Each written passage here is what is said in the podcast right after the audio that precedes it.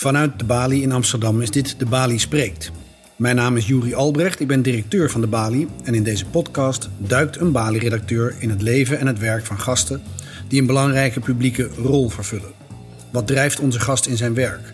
Waar probeert hij of zij invloed uit te oefenen? En hoe kijkt onze gast naar het huidige publieke debat? Vandaag spreekt programmamaker Zara Toxus met Wil Eikelboom. Wil Eikelboom is asieladvocaat en voorzitter van de Vereniging van Asieladvocaten.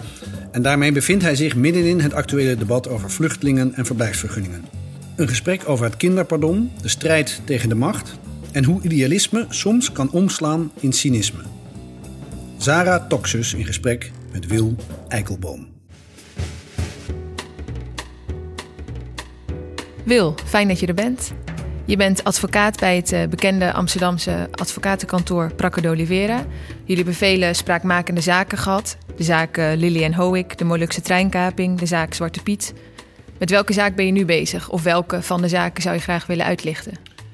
Um, nou, ik ben altijd met heel veel zaken bezig. Um, het kinderpardon is nu een, uh, iets wat ja, wat op de voorgrond zit. Het is natuurlijk een tijdje geleden is aangekondigd dat die regeling alsnog wordt verruimd en ook meteen wordt afgeschaft. Um, er is een flink aantal mensen die, ja, kinderen die tot voor kort dachten dat ze niet onder die regeling zouden vallen en dus geen aanvraag hadden ingediend. En ja, die met dit nieuws, met het nieuwe beleid, er waarschijnlijk wel onder vallen. Dus die proberen we alsnog eronder te krijgen voordat het wordt afgeschaft. Dus daar ben ik mee bezig. Ja, verder sta ik uh, allerlei asielzoekers bij. Uh, relatief veel Turken momenteel. Kolonisten die gevlucht zijn voor Erdogan. Zwarte Piet, je zei het al. Um, zijn natuurlijk, ja, dat is elk jaar eigenlijk wordt daar tegen gedemonstreerd. En elk jaar gaat dat in verschillende steden toch, toch mis. In de zin dat demonstraties worden verboden of dat er allerlei beperkingen aan worden gesteld, zodat ze eigenlijk onzichtbaar zijn. En daar, daar procederen we dan tegen. Dus dat, dat loopt nu in een aantal gemeenten. Klinkt erg druk. Ja, dat is het ook. en ik wil het in dit gesprek graag hebben over de asielpraktijk natuurlijk, maar ook over jouzelf en jouw rol als uh, advocaat die zich mengt in het publieke debat. Je bent nu, geloof ik, bijna elf jaar advocaat. Uh, ja, volgens mij wel. Ja, ja ik, nou, tien en een half. Tien en een half, ja. oké. Okay. Ja. Nou, vele geruchtmakende zaken. En Um, uit mijn ervaring, ik heb zelf ook een tijdje gewerkt op detentiecentrum Schiphol, is het uh, hard werken en je krijgt er niet bakken met geld voor terug. Wat houdt je op de been? Uh, nou ja, uh, toch dat harde werken. En ja, je krijgt er wel voor betaald. daar kan je wel van leven op zich. Maar het is hard werken om daar een, rendabele praktijk van te onderhouden. En dan helpt het dat je wat langer advocaat bent. Dus ja, tien, tien, half jaar, elf jaar. Um, dan, dan, ja, heb je wat routine, waardoor je efficiënter kan werken. En dan, dan lukt dat beter. Maar het is bepaald geen vetpot. In tegenstelling tot wat wel wordt gesuggereerd op sociale media. Waar jij dan weer keihard tegenin gaat. Nou ja, dat moet ik dan even corrigeren. Ja, er wordt vaak gesteld dat er een asielindustrie is die, die rijk wordt van asielzoekers en eindeloos procederen. Maar dat is helemaal niet zo. elke asieladvocaat zou in een andere sector veel meer kunnen verdienen. En waarom ben je dan toch de asielpraktijk ingegaan? Ja, um, deels een beetje ingerold moet ik zeggen. Ik studeerde internationaal recht en uh, toen kon ik uh, stage lopen tijdens mijn studie bij UNHCR in Genève, de, de hoogcommissaris voor de vluchtelingen van de Verenigde Naties. Um, dat beviel heel goed, wederzijds. En toen uh, kreeg ik daar een contract aangeboden na mijn studie. Eerst voor drie maanden en toen nog drie maanden en toen een jaar. Nou ja, uiteindelijk werd dat een vast contract. Toen zat ik een beetje in die internationale vluchtelingenwereld. Um, maar ik was niet helemaal tevreden, want dat is een uh, hele grote bureaucratische organisatie. Um, die heel veel goed doet in de wereld, maar waar als je erin zit ook wel heel wat op aan te merken is. En uh, eigenlijk wilde ik ja, van oud, nou, ik wil niet zeggen van oud, maar van toen ik rechten studeerde, wilde ik advocaat worden. En dat herinnerde ik me toen. En toen dacht ik, nou, uh, hoe kan ik dit combineren door uh, asielrecht te gaan doen, vluchtelingen en advocatuur. En zo ben ik er eigenlijk ingestapt. Het uh, weekblad Elsevier noemde jullie advocatenbureau onlangs links en activistisch. Ben jij dat ook? Um, ja. ik weet niet of het hele kantoor zo is, maar Um, nou, als persoon ben ik dat wel. Ja. Maar als advocaat mm, niet zozeer, denk ik. Um, Ja, ik, ik draai mijn zaken. En uh, dat doe ik gewoon op de, de best mogelijke manier, uh, zoals een advocaat dat behoort te doen. Namelijk met oog voor het belang van de cliënt. En daarnaast ben ik als persoon ben ik wel links en enigszins activistisch. Ja, in de zin dat ik me wel uitspreek over dingen. Ja, maar de, de, de, manier waarop ik mijn zaken doe, is denk ik niet per se activistisch. Ik bedoel, dat blijft gewoon allemaal keurig binnen de grenzen van, van de wet. Maar je bent zelf ook heel actief op bijvoorbeeld Twitter. Je komt veel voor in het nieuws, op de radio. Waar voel je de noodzaak om je zo te mengen in dat publieke debat? Um, nou, het begon eigenlijk uh, ja, toen ik begon met Twitter. Dat is, uh, ik heb het net even opgezocht, uh, tien jaar geleden ook alweer. Of nee, dus eigenlijk al zolang ik advocaat ben. Ik merkte dat heel veel mensen geen idee hadden wat er gebeurt in de asielpraktijk. Dat is eigenlijk nu niet meer voor te stellen, maar mensen waren niet echt geïnteresseerd in, in, in asielzoekers. Dat was in de tijd voor de grote Syrië-crisis. En dus de, de, aantallen waren relatief laag. Ik zou zeggen ongeveer hetzelfde als ze nu weer zijn. Maar daartussen was natuurlijk een uh, periode van veel meer uh, asielzoekers. En um, waarin de, de, de media-aandacht daarvoor enorm is toegenomen. Maar da daarvoor ja, had men eigenlijk geen idee. Hoe werkt dat eigenlijk, zo'n asielprocedure? En ja, ik, ik stapte daar zelf ook in. Uh, vanuit, vanuit Genève kwam ik toen. En het viel mij wel op hoe, nou, hoe streng er bijvoorbeeld wordt gekeken. Ehm, hoe, ja, hoe moeilijk het is om asiel te krijgen. Zeker als je niet alle bewijzen op papier hebt. Want als je twee uh, tegenstrijdigheden hebt in je relaas, dan, uh, dan hang je al, bij wijze van spreken. Dan kan je al worden afgewezen. En als ik daar mensen over vertelde, was het van, oh, is dat echt zo? En we dachten dat we heel ruimhartig waren. Dus toen dacht ik, laat ik dat moet ik uh, wat meer aandacht aan voorzien te krijgen. En dan, nou, ja, toen ben ik maar eens gaan twitteren. Maar ja, dat duurt natuurlijk enorm lang. Want in het begin heb je één volger. En dat bouwt maar heel langzaam op tot een aantal dat je zegt van... nu heb ik echt iets te zeggen. Maar... Um, zo is het een beetje begonnen. Nu heb je wel iets te zeggen, vind je? Nou ja, ik heb in elk geval genoeg volgers om uh, het idee te hebben dat als ik iets zeg, dat, het, dat er genoeg mensen dat lezen. Ja, dat dat uh, wel. Ja. Maar en als je geduurd. naar de rest van de beroepsgroep kijkt, dus de asieladvocatuur, vind je dat zij zich meer moeten mengen in het publieke debat? Um, nou, dat zou wel goed zijn, denk ik. Um, ik moet zeggen, asieladvocatuur, uh, het, vergrijst een beetje. Het is natuurlijk, zijn allerlei bezuinigingen op rechtsbijstand en ook nu weer, de staatssecretaris heeft het plan om uh, de bijstand aan asielzoekers te schrappen voor een groot deel in de eerste fase van de eerste aanvraag. Dus het is allemaal niet zo aantrekkelijk op dit moment om de asieladvocatuur in te gaan. Ze zijn wel gelukkig nog wel jonge advocaten die het doen, maar eigenlijk relatief weinig. Dus het is een beetje een ver, vergrijzende beroepsgroep. En ja, er zitten gewoon meer mensen bij, logischerwijs, dan die ook ja, niet zoveel op hebben met, met social media. Dus het zijn er nog wat weinig uh, die, die dat doen. Ja. En ik ben voorzitter van de Vereniging van Asieladvocaten. Dus dat is ook een reden waarom ik, eh, sinds, sinds ik dat ben, voel ik me ook meer verplicht om, om, om, om, om, statements te maken. Zeg maar. Daarom kom ik ook af en toe wel eens in de krant, uh, of de, belt de krant me wel eens voor een. dat is niet vanwege mijn getwitter, maar dat is omdat ze de voorzitter willen spreken. Ik vind je op Twitter altijd heel stellig. Je kan niet tegen onzin, je wil de feiten zien. Als we naar het kinderpardon kijken, wat is de grootste onzin die daar nu over wordt verkondigd?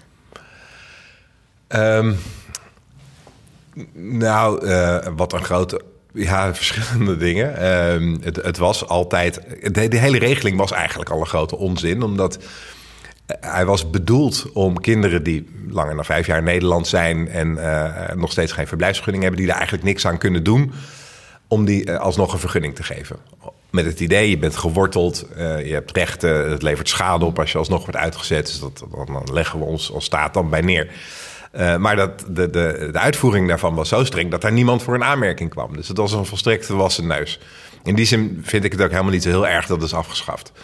Um, maar uh, het idee dat nu door uh, 700, of nou, hoeveel het er ook zijn, maar die kinderen die dan allemaal zijn af, afgewezen, hè, gesteld dat die alsnog voor een groot deel een vergunning krijgen, dat je daarmee het probleem hebt opgelost, dat is natuurlijk ook weer onzin. Want de situatie dat kinderen niet teruggaan, terug kunnen, die blijft gewoon bestaan. Dat procedures lang duren. Ze duren nu langer dan ooit eigenlijk. Langer dan uh, ten tijde van de vluchtelingencrisis. Dus we hebben nu een fractie van het aantal asielverzoeken per jaar als in uh, vergeleken met 2015. Maar de, de behandelduur die reist volstrekt de pan uit. Die is veel langer geworden. Uh, dus de, we kunnen nu wel voorzien dat iemand die nu aankomt en die asiel aanvraagt, voordat hij door de eerste procedure heen is, als dat. dus als die, die bijvoorbeeld eerst wordt afgewezen, dan misschien beroep wint bij de rechtbank. En dan gaat het weer terug naar de IND. Die kan dan nog een keer afwijzen, kan nog een keer een beroep. Uh, die kan dat beroep weer gegrond verklaren. Misschien iemand in hoger beroep. Je bent zo weer drie jaar verder. Uh, nou, als het tegen die tijd een verslechtering is in het land van herkomst, misschien een uh, herhaalde aanvraag. Voor het weet ben alweer op vijf jaar. Dus het gaat gewoon weer gebeuren. Uh, dat er weer een groep ontstaat van, van kinderen die onuitzetbaar zijn geweest de afgelopen vijf jaar. Dus het idee dat het hiermee is afgerond, dat vind ik ook behoorlijk naïef. En ben je hier ook mee bezig, los van individuele zaken? Dus op een iets hoger niveau onderhandelingen met politici of nou, onderhandelingen eh, zeker niet. Maar ik probeer wel uh, op sommige punten wel uh, politici van informatie te voorzien. Of van ideeën te voorzien. Um, want nou, het, het, is, het is een heel complex uh, rechtsgebied, asiel- en vreemdelingenrecht. dus ja, je kan eigenlijk niet verwachten dat iemand die daar niet in gespecialiseerd is, daar, daar echt helemaal up-to-date is van hoe al die regelingen. De regelingen zijn Europees en ze veranderen de hele tijd. Het is heel politiek, dus dan wordt er weer iets aangepast. Uh, situatie in het land van herkomst kan uh, veranderen. Er zijn allerlei verschillende procedures en dingen. Dus ik, ja, ik, ik, ik, ik spreek wel eens met politici om uit te leggen van... nou, dit werkt zo en dat is misschien een goed idee. Bijvoorbeeld, wat, wat ja, politici van nu denk ik niet meer weten... is dat we tot, nou, wat is het? 2008 of zo. nee, nou, iets eerder. Maar goed, er was er een, een jaren beleid. Dat betekende als je je aanvraag deed en dat was binnen drie jaar niet afgerond. En daar kan je eigenlijk zelf niks aan doen, want dat is gewoon puur de IND en de rechtbanken die uh, voor de vertraging zorgen. Dan krijg je een vergunning. En dat was enerzijds goed, omdat uh, daardoor mensen en kinderen niet onnodig zouden wortelen. En anderzijds was het een enorme stok achter de deur voor de overheid om genoeg personeel en alles in te zetten om die aanvragen zo snel mogelijk af te handelen. Wat er nu enorm aan schort. Dus nou, dat is wat een suggestie die ik dan uh, doe. en hoop je dat er wat mee wordt gedaan? Ja, nou weet ik niet. Ja, eh, ik denk nog steeds dat dit een hele goede suggestie is. Ik weet niet of het politieke klimaat er helemaal voor is. Maar als je zegt, wij willen snelle procedures... en dat is wat iedereen zegt, links en rechts in de politiek... dan moet je eigenlijk de daad bij het woord eh, voegen. Dus uh, ja, volgens mij is dit een uitstekende suggestie waarmee dit uh, kan worden gedaan. Uh, ja, dus in die zin probeer ik wel wat. en, en als het gaat om asieladvocatuur, als voorzitter van de Vereniging Asieladvocaten, hou, hou ik wel goed oog op wat de plannen zijn van het kabinet met rechtsbijstand. Nou, die zijn vrij slecht. in het regeerakkoord staat dat asielzoekers eigenlijk in het begin van een procedure geen advocaat meer zullen krijgen, althans niet meer betaald. En dan zullen er een heleboel in, feite geen advocaat meer hebben. Nou, dat lijkt ons een heel erg slecht idee. En daar staan we niet alleen in. Dat uh, denkt ook vluchtelingenwerk of het COC of nou uh, eigenlijk iedereen, de rechterlijke macht. Ehm, dus daar, daar, daar, probeer ik, daar proberen we als vereniging ja, iets aan te doen. Ik kan zeggen een stokje voor te steken, maar dat is, dan rekenen we onszelf wat te rijk. Maar we proberen in elk geval daar bewust wording eh, voor te creëren in de politiek, dat dit eh, wel echt een, een issue is. Dit klinkt best wel zwart-wit, zo van de, de advocaat tegen de grote boosdoener, de IND en de overheid. Zo zie ik het ook wel eens als ik op jouw Twitter kijk, uh, kijk van heel erg ja, tegen de staat, tegen de IND. Is dat in de praktijk ook zo? Um, ja, in zekere zin uh, wel. Ik ben, ik ben helemaal niet tegen de staat hoor. En ik ben ook niet tegen de, het feit dat er een IND is of dat er uh, asielaanvragen worden afgewezen. Ik vind niet dat iedereen een verblijfsvergunning uh, moet krijgen. Um, maar ik moet ook zeggen dat ik in de afgelopen jaren dat ik advocaat ben. Toen, toen ik begon was ik eigenlijk nog meer. dat ik dacht, nou, de, staat zal een, een redelijk en objectief oordeel vellen. En er moet wel bar zijn wil dat echt onterecht zijn. Daar denk ik inmiddels wel anders over. Uh, ik vertel mijn cliënten dat je, hebt, je hebt recht op asiel, maar dat moet je echt bevechten. Eigenlijk krijg je alleen een asielvergunning als de staat geen mogelijkheid ziet om het af te wijzen. Dus alle kansen die er zijn, alle mogelijkheden die er eventueel zijn om het af te wijzen, Eh, je zou in een ander land terecht kunnen. Of eh, je hebt toch niet helemaal perfect verklaard. Of waarom heb je dit document niet? Um, hoezo heb je niet eerder verteld over die littekens? nou, ja, al die dingen die, die kunnen en, en, en, worden over het algemeen uit de kast getrokken. Uh, dus ja, in die zin uh, ga ik er wel hard in. Je gelooft dat de staat eigenlijk bewust zo min mogelijk mensen een vergunning wil geven? Ja, dat zeker. Ja, dat is, is beleid. En er zijn gewoon internationale regels die zeggen dat je een vluchtelingen een vergunning moet geven. Dus daar wordt naar gekeken. En op zich ook wel op een grondige manier. Maar alle uh, redenen die ze kunnen bedenken om iemand toch niet als vluchteling aan te merken, die worden wel uh, genomen. Uh, nee, niet weg dat er heel veel IND'ers zijn met gewoon het hart op de goede plaats. Toevallig werd ik gisteren gebeld. Een cliënt van mij uh, die homo is en die dat niet eerder had durven vertellen. En die had nu een herhaalde aanvraag ingediend. en dat, dat, normaal gesproken duurt dat best wel lang. Uh, en deze was kennelijk zo overtuigend dat tijdens het gehoor belde de INR op. Die zei: Vindt u het goed als ik meteen de vergunning verstrek? Ik zei: Nou ja, dat uh, vind ik wel goed. Dat, uh, ja, uiteraard. Dus dat, dat, dat, dat, die, die mensen heb je ook, dat is prima. Dus op, op persoonlijk niveau ga ik heel goed om met, met veel IND'ers. Jullie hebben wel eens gesprekjes in de wandelgangen?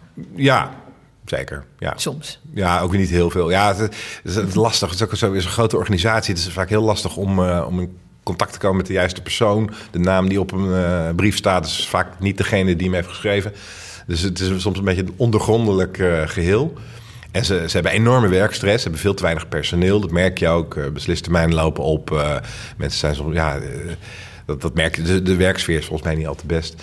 Dus ik heb ook wel een beetje met ze te doen soms. Maar als het gaat om wat is het beleid van de IND, wat ja, ze staan op afwijzen eigenlijk. Dat is een beetje de, en, dat moet, dus je moet asiel echt wel uh, in zekere zin bevechten. En dat uh, probeer ik te doen. Nou, ik zie veel cliënten en ik maak, het maakt mij op zich niet uit uh, of ik ze geloof of niet. Want ik moet ze gewoon bijstaan. Ik mijn rol als advocaat is zorgen dat zij zo goed mogelijk door de procedure komen. Maar ik heb natuurlijk soms wel een idee van dit, dit geloof ik wel of dit geloof ik niet. Um, nou, dit was bijvoorbeeld een, eh, eh, een homo uit uh, Egypte. Waar ik geen twijfel had dat hij homo is. En die werd in zijn gehoor, werd, die, werd hem zo de duimschroeven aangedraaid. Waarbij hij echt dingen moest beantwoorden als van... wat voor tv-programma's kijken homo's naar in Nederland? Dacht ik, wat, wat voor, ja, wat, wat, zou dat zijn? Hè? Eurovisie Songfestival of zo? Maar goed, dat wisten ze dus niet goed te beantwoorden. En uh, ja, een aantal andere van dat soort vragen. En die werd dus afgewezen. Dat ik dacht, nou ja, hoe kan dit? Echt iedereen die hem ziet, ja, het, is niet echt een objectief criterium, maar je kan eigenlijk nauwelijks twijfelen. Of andere mensen die dan gewoon één of twee tegenstrijdigheden hebben in een relaas over dingen die misschien een paar jaar geleden zijn gebeurd. Uh, heb je nou meteen de politie gebeld of was dat pas een paar uur later? En dat dat dan wordt afgewezen. Ja, toen dacht ik wel van oké, dus zo wordt het spelletje gespeeld. Als je niet perfect bent, dan, uh, dan, dan wijzen ze je af. Ja, niet altijd hoor, maar dat kan zeker gebeuren. Ja, dat risico loop je. Ja, super erg op detail. Het, ja, nou, ik moet zeggen, da daar is heel veel eh, over te doen geweest. Niet specifiek over die zaak, maar wel over de manier om uh, ja. vast te stellen of iemand homo is of niet. En inmiddels is dat een stuk verbeterd. Dus Nederland is eigenlijk twee keer op de vingers getikt door het Europese Hof. En uh, daar hebben ze beleid op aangepast. COC is daar ook heel actief uh, mee geweest. Dus nu nieuw beleid en nu gaat dat wel een stuk beter. Dus zo'n vraag zou nu niet meer, uh, nu niet meer gesteld mogen worden. Vroeger vroegen ze hele expliciete seksuele vragen. En dat, dat mag niet meer. -hmm. En als we, naar, als we naar de politiek kijken, vind je dat de politiek de asielpraktijk vaak misbruikt om ergens mee te pronken, om dingen voor elkaar te krijgen? Um... Dit vraag ik omdat ik vaak lees alsof je er zo tegenaan kijkt. Ja, hoe bedoel je dat precies? Dat zij onwaarheden gebruiken oh, zo, om, ja, ja, ja. om dingen oh. voor elkaar te krijgen. Ja, nee, zeker. Ja. Nou, ik zei al, het is een complex rechtsgebied, maar bepaalde feiten ja, zou iedereen wel uh, uh, van op de hoogte moeten zijn. Zeker politici. Hè. We weten natuurlijk allemaal Halbe Zijlstra, die een paar jaar geleden suggereerde dat asielzoekers gratis borstvergrotingen kregen. En dat ze daarvoor naar Nederland kwamen. Dat het een complete onzin is. Ehm, en, en, en zo wordt er veel meer. Uh, er wordt gesuggereerd dat, dat, dat, dat asielzoekers uh, eindeloos procedures vertragen, bijvoorbeeld. Nou ja, dat is het laatste wat uh, asielzoekers willen. Want die willen echt zo snel mogelijk een besluit. Ze willen natuurlijk graag een, een inwilliging. Hè, ze willen een vergunning. Maar wel zo snel mogelijk. Want de meesten hebben nog een gezin in het land van herkomst. En vaak is dat een land waar oorlog of in ieder geval slechte omstandigheid is.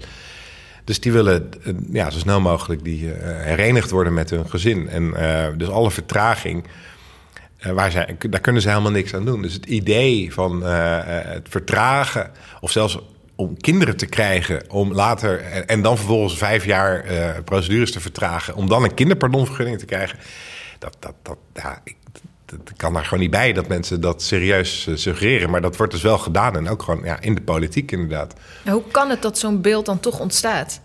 Ja, het is heel makkelijk schieten. Hè? Het is een beetje een, uh, het is een vrij ja, monddode groep eigenlijk. Asielzoekers die volgen het publieke debat in Nederland niet zo goed. Zijn, ja, spreken de taal niet uh, goed. Uh, dus die moeten het dan echt hebben van belangenbehartigers om voor hen op te komen. Nou, ja, vluchtelingenwerk doet dat heel goed. andere mensenrechtenorganisaties. Ik probeer af en toe wat te zeggen. En ja, in de politiek hoop je dat, daar, dat, dat die mensen daarin op, voor opkomen. Maar je laat altijd weer de verdenking op je dat je dat doet voor het geld.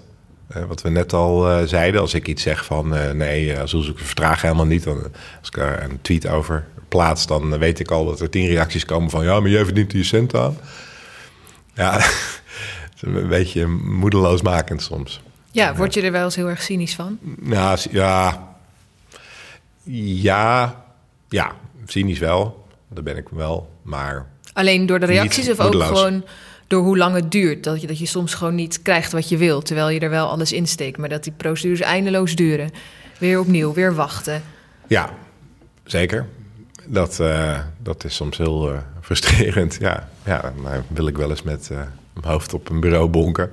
Als ik denk, dan is er weer een uitstel. Of dan wordt is de termijn weer verlengd. Of dan ja, waarom moet het nou allemaal zo moeilijk? Ik weet al, soms dan denk ik, ik weet al dat jullie uiteindelijk een vergunning gaan geven, want dat kan niet anders.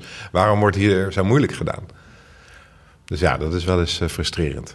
Ja, maar dan doe je snel een tweetje. En dan, dan doe ik snel een tweetje en dan schrijf ik het van me af. Nou ja, ja heel, heel soms, niet zo vaak, maar heel soms dan, dan wil ik wel eens zo'n casus uit de doeken doen. Dan zeg ik van, nou, wat, uh, wat er nu gebeurt met deze cliënt, die heeft toen een aanvraag ingediend en dit en dat en dat. En dan uh, krijg ik daar ook weer heel veel bijval op. En uh, dat, dat stimuleert dan ook wel weer. Het is niet allemaal negatief, natuurlijk. Heel veel reacties zijn ook positief. Ja, je werd ergens op internet een wereld, wereldverbeteraar in toga genoemd. Oh ja? Oh ja, nee, klopt ja. Nee, moet niet te bescheiden doen als ik dan Zie je zelf dat ook zo? nou, die, ik heb al af en toe een toga aan. En je bent een wereldverbeteraar? Ja, ja wat is een wereldverbeteraar? Uh, um, ik, ik werkte bij UNHCR en dat is een organisatie die probeert de wereld te verbeteren. Maar daar voelde ik me een, een veel te klein radertje. En, en wat ik leuk vind aan advocaat zijn, is dat je uh, de wereld voor.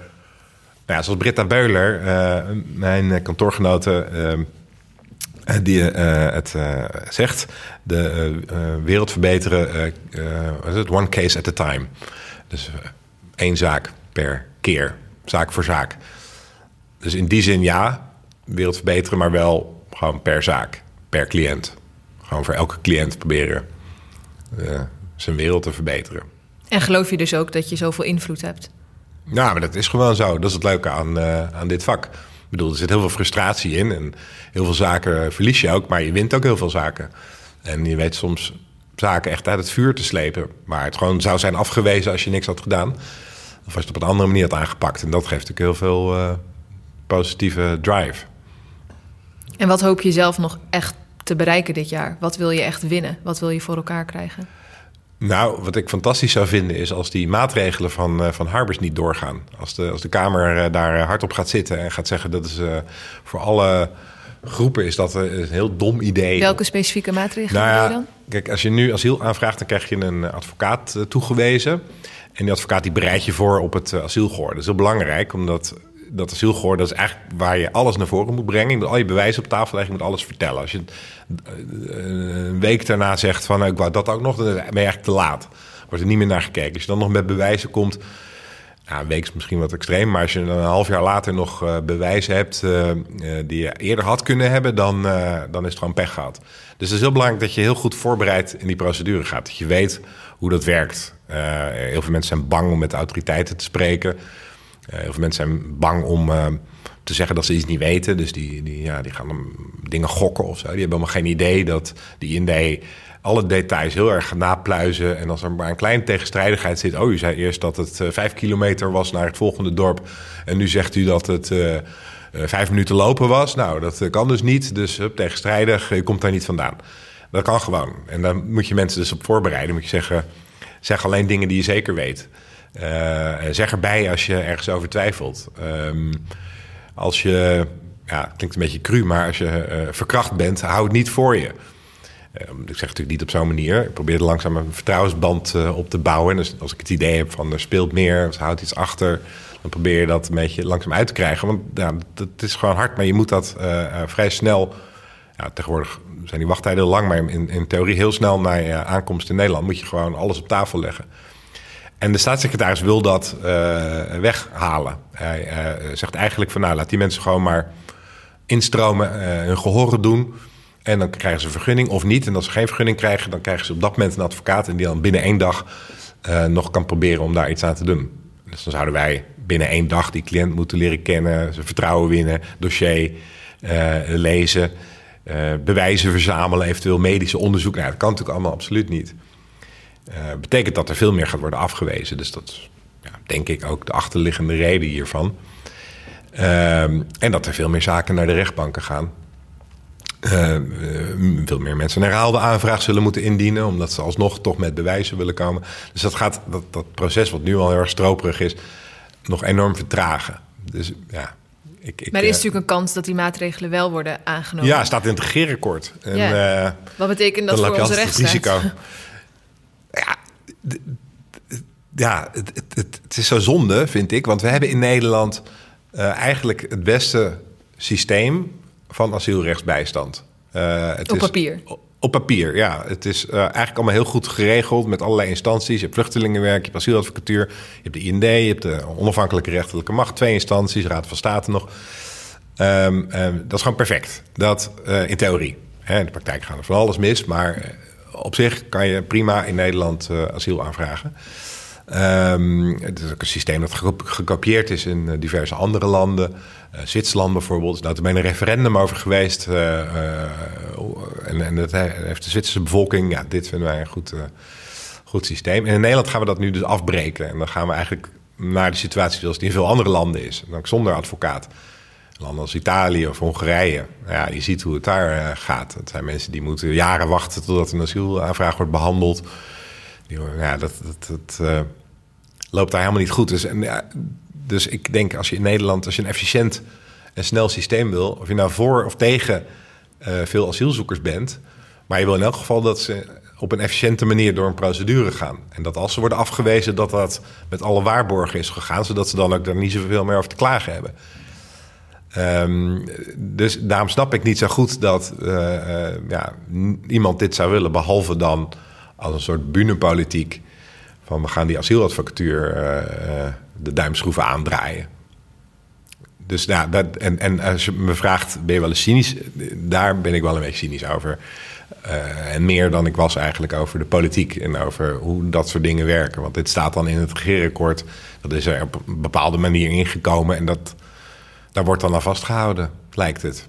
Maar nooit dat je denkt, ik, ik kan hier niks meer aan doen, het houdt op. Nou, vooralsnog niet. Nee. maar ik hoor wel eens van andere advocaten die zeggen: Oh ja, dan komt de politiek weer. Wat kunnen we, we kunnen er toch niks aan doen. Ja, die, die wat langer in het vak zitten. En die denken van: uh, Ik ga me hier niet meer uh, tegenaan bemoeien. Je geeft jezelf nog wel tien jaar. Jawel, jawel. ik hoop het wel. Er is nog genoeg te doen. ja, zeker. Oké, okay, heel erg bedankt voor dit gesprek. Graag gedaan.